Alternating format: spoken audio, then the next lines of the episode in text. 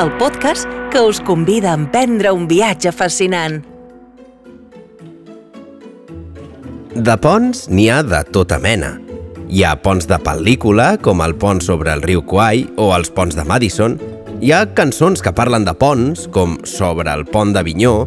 Hi ha ponts de rècord, com el pont de l'abadia de Hangzhou, a la Xina, que és el pont més llarg del món sobre el mar, amb una longitud de 36 quilòmetres.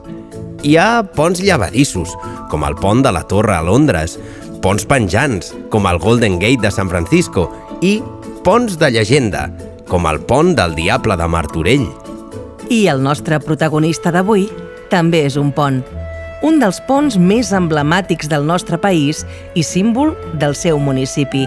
Un pont romànic per on cada any passen i s'hi fotografien milers de visitants de tot arreu. Un pont que s'ha hagut de reconstruir molts cops per culpa de riuades, inundacions i guerres i s'ha fet sempre intentant respectar la construcció original. Un pont que forma part del paisatge de la Garrotxa. Avui us donem la benvinguda al Pont Vell de Besalú.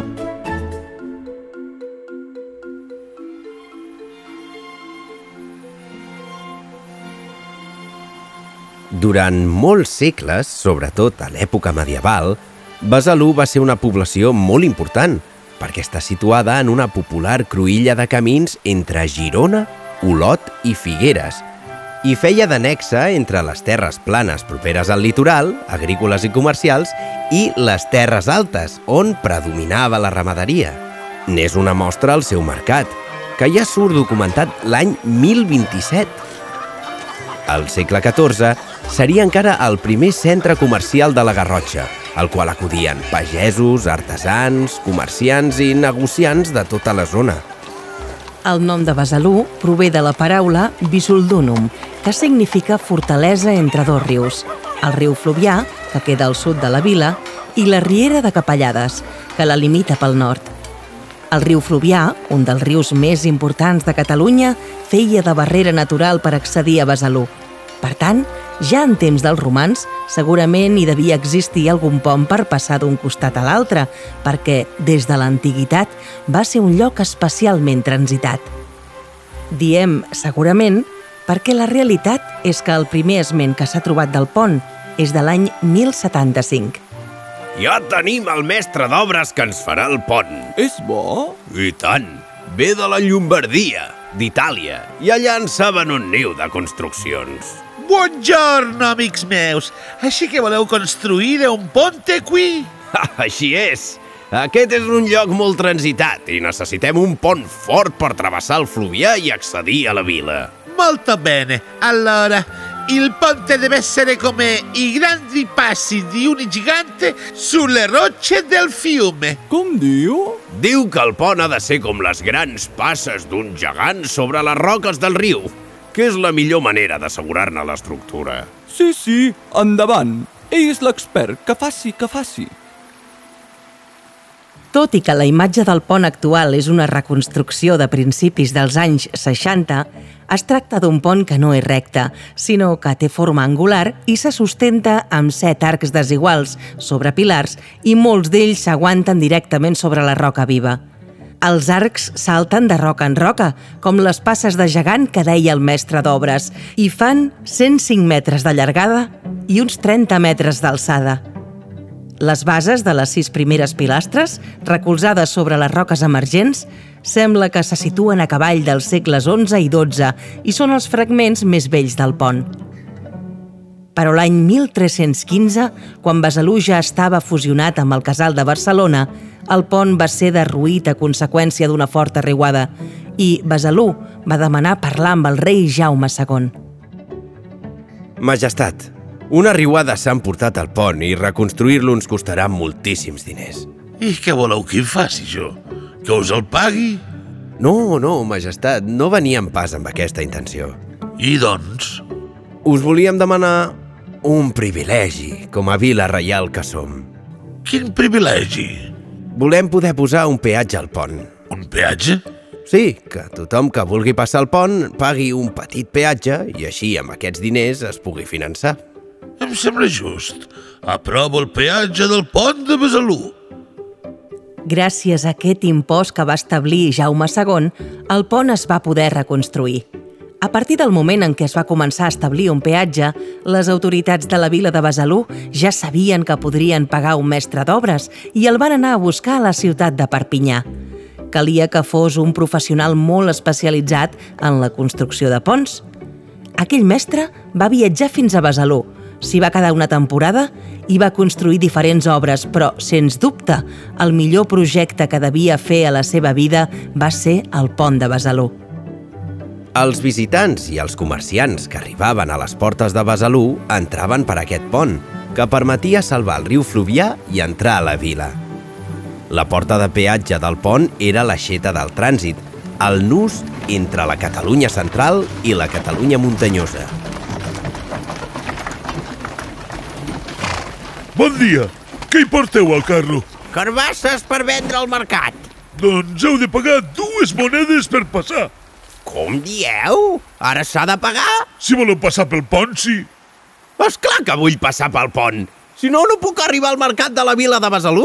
Doncs pagueu dues monedes, una per vos i l'altra per la carga. Ah, amb el que costen de guanyar. Penseu que veniu al mercat a fer diners.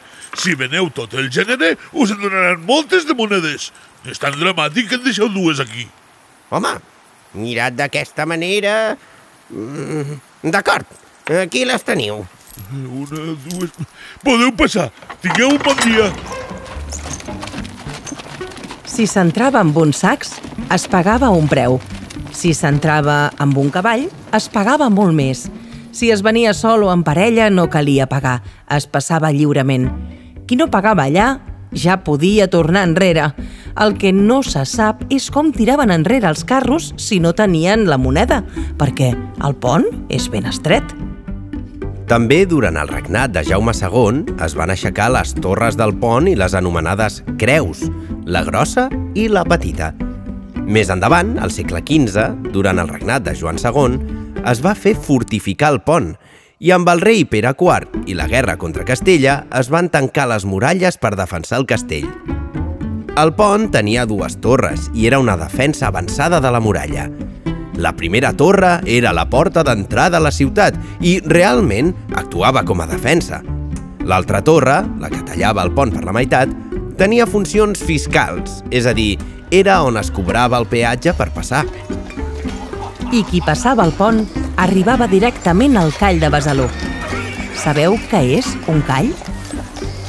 A les ciutats i les viles medievals catalanes, un call era una zona habitada per jueus. El terme de l'hebreu kahal, assemblea, congregació, està documentat a Catalunya des del segle XIII. A diferència dels gueti europeus, d'èpoques posteriors, el call a Catalunya no era un espai tancat. El fet que el call fos obert va fer possible la relació constant entre jueus i cristians. Tot i això, estava prohibit a les cristianes d'entrar al call, igualment com a les jueves d'entrar en cases cristianes. Al segle XI, Besalú va arribar a tenir una població de 1.000 persones, que en aquella època eren moltíssimes. Dels 1.000 habitants de la vila, aproximadament una quarta part eren jueus. La comunitat jueva es va establir a Besalú a finals del segle IX i la majoria vivia dins del barri jueu, però no tots, alguns en vivien fora i fins i tot alguns cristians vivien dins del barri jueu perquè la relació en aquell moment era bona. Treballaven braç a braç en diferents oficis i comerciaven els uns amb els altres. En aquells segles, la vida no era pas fàcil per a ningú. Hi havia fam i també epidèmies devastadores, com la de la pesta negra del segle XIV. Fa molts dies que no entren diners a casa perquè el pare està malalt i no pot anar a mercat. Per què no demaneu diners a un prestador? Aquí? Un prestador? Conec un veí del call que et pot deixar diners. Ell te'ls avança i tu quan puguis li retornes el que t'ha deixat i algunes monedes més per agrair-li el favor. Doncs així ho faré. Si no, morirem de gana. Si bé és veritat que tots els jueus de la vila van ser prestadors, també hi havia qui, a la vegada, era botiguer, argenter, mestre d'escola per ensenyar l'hebreu, etc. Així i tot, l'ofici que més abundava entre la comunitat jueva era el de metge. I els metges no paraven de treballar. Les epidèmies van obligar els metges a entregar-se del tot a la feina i els metges jueus no tan sols cuidaven els malalts hebraics, sinó també els cristians, tot aprofitant la vinentesa per fer els préstecs. Podeu imaginar que els jueus dominaven tota l'activitat econòmica, però no només de la vila, sinó també de tot el comtat, i fins i tot les grans abadies del país anaven a Besalú a buscar els diners. Això va propiciar que la vila tingués uns quants edificis jueus, com el Mikvé, on també desemboca el pont, que és un dels edificis més emblemàtics de la població, únic en el seu gènere i un dels més ben conservats d'Europa. Sabeu què és un mikvé? És una construcció de pedra on es practicaven els banys rituals de purificació jueus. Al mikvé s'hi venien a purificar sobretot les dones jueves abans i després de casar-se, després de cada menstruació i després de tenir un fill. Hi havien de passar de manera rigorosa. La seva funció era purificar l'ànima mitjançant la immersió total del cos. Al mikvé a més de fer-hi banys purificadors per a homes i per a dones, també s'hi feien banys de purificació d'objectes, com ara de la vaixella de vidre i metall que es feia servir en la Pasqua jueva. I a la part de més amunt, que també es veu des del pont, hi ha els fonaments del que havia estat la sinagoga. Però tornem al pont, al nostre protagonista. No se sap si el traçat angular tan característic del pont de Besalú va ser sempre com el coneixem avui, perquè la història del Pont Vell és un seguit d'enderrocs i de reconstruccions que han fet que aquell pont del segle XI hagi vist canviades amb el pas dels segles moltes de les seves pedres. Hauríem de restaurar una mica el pont. És veritat. L'altre dia vaig veure com es desprenien un parell de pedres i vaig pensar qualsevol dia d'aquests algú prendrà mal. Per això mateix t'ho dic. Tens raó. Aquests últims anys, entre riuades i inundacions, s'ha desgastat força. Doncs no se'n parli més, que si cau el pont serà la nostra perdició. Les inundacions, les riuades i les necessitats defensives de la ciutat van fer que el pont s'hagués de reconstruir al segle XIV, cosa que li va donar un traç gòtic. També, en un dels carreus del pont, que són els grans blocs de pedra que el formen, n'hi ha un amb l'escut de Besalú amb la data de 1680. És el mateix any en què hi ha notícies de reparacions al molí fariner i al molí draper, malmesos per les inundacions. I això fa pensar que segurament aquell any van fer una nova reconstrucció quasi total del pont. I això no és tot. A finals del segle XIX, la industrialització ja havia entrat de ple a les comarques gironines i una màquina tèxtil que segurament venia de Barcelona o de Girona i anava cap a Olot havia de passar de totes totes per Besalú. La màquina és massa gran per a aquest pont. I això no ho podíeu haver pensat abans de carregar-la fins aquí? Què vols que hi fem? Besalú és un pas obligatori i únic per arribar a Olot. Ei, què hem de fer, doncs? Hauríem de, de tombar la torre. Què vols dir? Enderrocar-la. Total, està feta pols. Ai, no ho veig clar. Mira, aquesta màquina és el futur i el futur no es pot aturar per quatre pedres mal posades. No podem perdre més temps. D'acord, d'acord, d'acord. Home, I, efectivament, van destruir la torre del pont. I espereu, que encara ha hagut de patir més el pont. L'any 1939, amb la Guerra Civil Espanyola, concretament amb la fugida del bàndol republicà, el pont va ser dinamitat, tot fent-ne desaparèixer les dues torres. Posteriorment, el pont va ser reconstruït als anys 50 i 60 per l'arquitecte Francesc Pont Sorolla, amb la recomanació de la Direcció General d'Arquitectura. Les imatges del segle XIX que ens han arribat del pont són les que han permès reconstruir-lo amb l'aspecte que presenta actualment. Imatges com el gravat del francès Jean-Charles Langlois fet entre el 1826 i 1830, una aquarel·la anònima anterior al 1835 que reprodueix Josep Danés i Torres al seu treball Al pont de Besalú sobre el Fluvià, la pintura mural del decorador gironí Miralles, feta a la casa Llaudes de Besalú a mitjans del segle XIX, o el dibuix a llapis del pintor Antoni Cava del pont vist des del seu interior, segurament anterior al 1858. Us animem a visitar Besalú i que gaudiu del seu aspecte impecable. Aquesta vila està tan ben conservada que us transportarà de cop a l'època medieval i, si les parets parlessin, us podrien explicar mil històries que hi han passat des de fa moltíssims segles. Històries que, si han existit, és gràcies a un pont que cada cop que ha caigut s'ha tornat a aixecar, que s'ha convertit en el símbol del municipi i que cada any rep milers de visitants, els carrega l'esquena i els fa arribar a destí amb passes de gegant sobre les roques que emergeixen del riu Fluvià. Visiteu Besalú. Us encantarà.